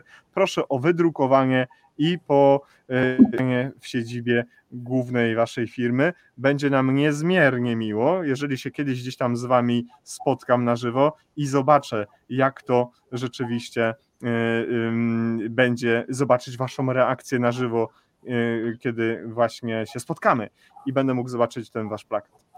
W tym momencie, zanim będziemy się żegnać, pomalutku, zanim przygotujemy małe podsumowanie, pozdrawiają nas y, osoby, pewnie Wam bardzo mocno zaprzyjaźnione. Y, pan Piotr Buraczewski nas pozdrawia. Nie wiem, czy to zbieżność nazwisk, ale no nie wiem, nie wiem. To tata mój. Jest, jest z nami Łukasz Wysocki. Łukaszu, dzień dobry. Witamy Ciebie, Łukaszu, Matyldo, Dorota i Filip z Fanware. Y, kosmiczna rodzina, po prostu niesamowici ludzie. E, byli z nami tutaj w Nordic Live.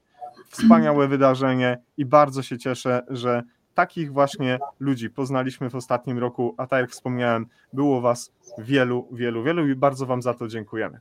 A teraz poproszę, żebyście podsumowali nasze dzisiaj spotkanie, mm, żebyście podsumowali kolejny odcinek mm, poświęcony bezpieczeństwu osób z niepełnosprawnościami. To jest kolejny odcinek w tym temacie, ale na pewno nie ostatni. Na pewno od jesieni będziemy do tego wracać. Tak więc co?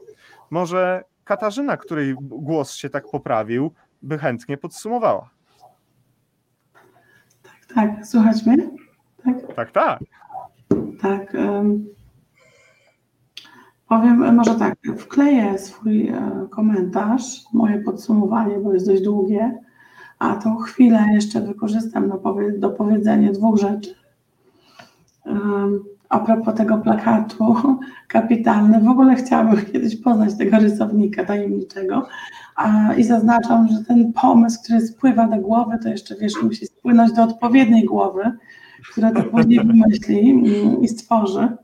To po pierwsze, a druga rzecz bardzo ważna dla mnie, bo ja się czuję trochę niezręcznie, wiesz, jak e, tak mówimy tylko o mnie, Powiem wprost, ja jestem tylko, wiesz Jacek, jedną małą cegiełką. Telefony odbierają też super dziewczyny. Pracują ciężko też e, w płocie czoła. To jest Ania, to jest Marta, to jest cały, tak jak Michał powiedział, zespół ludzi. Wiesz, jestem tylko jedną cegłą. Mm, monterzy, nie zapominajmy o nich. Oni też montują, kawał roboty wykonują wszyscy po kolei moglibyśmy wymieniać to z imienia, z nazwiska, tak jak mówię, tak fajnego porównania kiedyś Michał użył, że to działa jak tryby, wiesz, każdy jest tu jakimś trybem i coś robi. Ja jestem tylko jednym z nich, Oczywiście kocham swoją pracę, zawsze pracowałam przy telefonie. W sumie niecałe 10 lat mojej pracy to była zawsze praca przy telefonie. Więc ja jestem, wiesz, szczęściarą, że ja mogę robić to, co lubię i też próbować jakoś to połączyć, mm, potrzeby od strony osób z niepełnosprawnościami i od strony asystentów, próbować zrozumieć obie strony. Mam nadzieję, że mi się to udaje i będzie mi się to udawało coraz lepiej. Chciałabym być taką, wiesz, hiperspecjalistką w przyszłości. No a jeśli chodzi o wszystkich innych, którzy pracują z nami, no to ja, wiesz, ja tak naprawdę dołączyłam do załogi jako ostatnia, więc e, tutaj pochwały też się należą dla wszystkich, którzy byli przede mną i są. A jeszcze ostatnie słowo a propos y, szefa, bo pytałeś. Myślę, że dużo mówi też o, o Michale to, że zatrudnia tak naprawdę różnych ludzi, ludzi różnych narodowości, o różnym stanie zdrowia, o ludzi różnych wyznań. Myślę, że to można takim słowem podsumować, wiesz, inkluzja. Ekstra, fajnie. A jak podsumujesz? Dzięki, Ka dzięki Kasiu. Aż wzruszenie nastąpiło. To prawda. To prawda. Michał. Prawda. Michał, proszę o podsumowanie. No, to co Kasia powiedziała, ja mogę być najbardziej dumny z tego, że y, mam taki fantastyczny zespół ludzi, z którymi mogę pracować y, i z którymi robimy takie fajne rzeczy, które pomagają, które ułatwiają życie. E, to, co Kasia mówi, każdy tryb w firmie jest ważny, każda osoba w firmie jest ważna. E, no i myślę, że mm, też mogę mieć satysfakcję z tego, że y, umiem wydobyć z każdej osoby jej najlepsze cechy. Na przykład Kasi, która swoją pracę wykonuje fantastycznie i uważam, że jest odpowiednią osobą na odpowiednim miejscu. E, to tak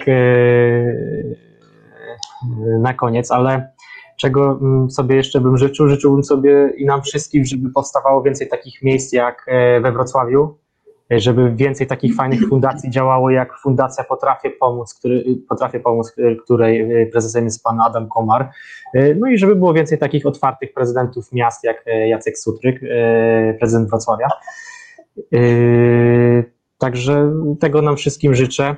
Mm, no i też serdeczne pozdrowienia dla Państwa Wysockich, którzy są fantastyczną rodziną i tworzą fantastyczną firmę e, z świetnymi e, produktami. Mam nadzieję, że będziecie dalej rozwijać te, e, te produkty, żeby powstawały nowe udogodnienia. Gorąco trzymam kciuki. Mm, no, z mojej strony chciałbym podziękować wszystkim za, za uwagę. Wspaniale aż się zasłuchałem, bo to tak naprawdę fajnie, kiedy słyszymy, słyszymy o takich dobrych komentarzach. Na swój, na swój temat, to też miłe, ale też fajnie, kiedy my możemy powiedzieć coś bardzo ważnego i coś bardzo ciepłego. I Kasia jeszcze chciałaby dopowiedzieć coś bardzo ważnego od siebie w tej kwestii. Tak, no nie wiem czy w tej kwestii, ale wiesz co, nie byłabym sobą, gdybym tego nie powiedziała też dla Was chciałam przekazać takie słowa uznania i pochwały dla Ciebie, Jacku, dla wszystkich, którzy z Tobą tam współpracują, bo tam jest cały szereg rąk na pokładzie przy tym, co robisz, przy tym, co robicie. No więc e, dziękujemy za zaproszenie, no i pochwały dla Was. Dziękuję bardzo. W imieniu swoim całego zespołu Michała Czerwińskiego, Marcina Gbiorczyka, Wojtka Głuśniowskiego, mojej osoby. E, e, od nowego sezonu będzie również Kamil Czerwiński, fantastyczny człowiek, który już teraz ogromnie dużo pomaga. Jest mnóstwo pięknych osób, które podpowiadają, które mm, nawigują, które wskazują te osoby, te miejsca, z którymi warto się spotkać. A przede wszystkim ja bym na zakończenie dzisiejszego odcinka chciał podziękować zarówno widzom Nordic Triget Live i słuchaczom. Zarówno ci, te osoby, które korzystają ze Spotify, korzystają z kanału na YouTubie i korzystają z naszego Facebooka. Jeżeli nasza praca spotyka się z Państwa aprobatą, dobrym słowem, zachęcam do napisania komentarza, zostawienia recenzji, która będzie potwierdzała ten fakt. Wszystkim naszym dzisiejszym widzom, wszystkim słuchaczom bardzo serdecznie dziękujemy. Właśnie zameldował się raz jeszcze Łukasz. Łukaszu, pozdrawiamy Ciebie, całej Twojej rodzinie. Życzymy mm, dobrych wakacji, przede wszystkim bezpiecznych. Dziękujemy całemu Lewiker za przywracanie normalności, o której napisał również pan Michał. Jest, przepraszam, pan Zbigniew dla pana Michała. Tak więc bardzo za te wszystkie słowa, ciepłe komentarze dziękujemy. Będzie nam przemiło, jak się Katarzyno i Michale od, do nich odniesiecie. A ja w tym momencie zapraszam jeszcze do nas pana Krzysztofa. Panie Krzysztofie, jest pan z nami? Jestem, jestem.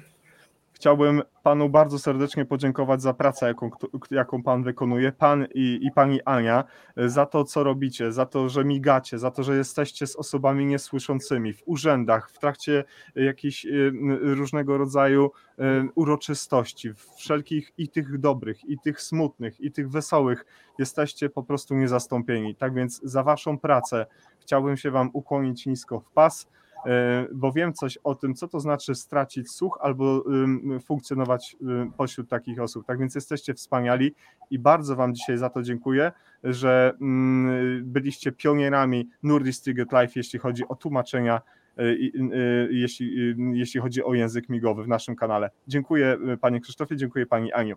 Dziękujemy również, było nam bardzo miło współpracować i to dla nas ogromna radość tłumaczyć i pomagać też przede wszystkim osobom e, z niepełnosprawnością, osobom niepełnosprawnym, przepraszam. I naprawdę cieszymy się, że mogliśmy tutaj z Wami współpracować. Dziękujemy. Pięknie. Ja oczywiście, drodzy Państwo, zapraszam y, panią Anię, pana Krzysztofa i wszystkich, którzy chcą z nami współpracować, do tego, żebyśmy tworzyli dobrą przestrzeń, do tego, żeby budować nowe definicje bezpieczeństwa dla wszystkich y, zainteresowanych. A y, niestety, 19.47 przyszło się pożegnać i zamykamy pierwszy sezon Nordic Trigger Live z odcinkiem 45. Państwa i naszym gościem była dzisiaj e, pani Katarzyna. E, jest pani Katarzyna Lamper, Lamparska, przepraszam bardzo. Dziękuję, Kasiu. E, dzięki, Michał dzięki. Buraczewski, dziękuję bardzo panie szefie, założycielu firmy Lewiker. Również dziękuję, zapraszam do Gdańska. Wspaniale, skorzystam przy okazji. Pani Ani i panu Krzysztofowi już podziękowałem. Zostańcie jeszcze z nami na dwie sekundy poza anteną, a ja się z Państwem żegnam. Było mi niezmiernie miło być z Państwem w ciągu ostatniego roku. Ja nazywam się Jacek Borowiek, a Państwo oglądaliście kolejny już odcinek Nordic Triget Live. Do zobaczenia po wakacjach. Bezpiecznego, udanego wypoczynku. Wszystkiego, wszystkiego, co najlepsze dla Was i dla Waszych rodzin. Pozdrawiamy.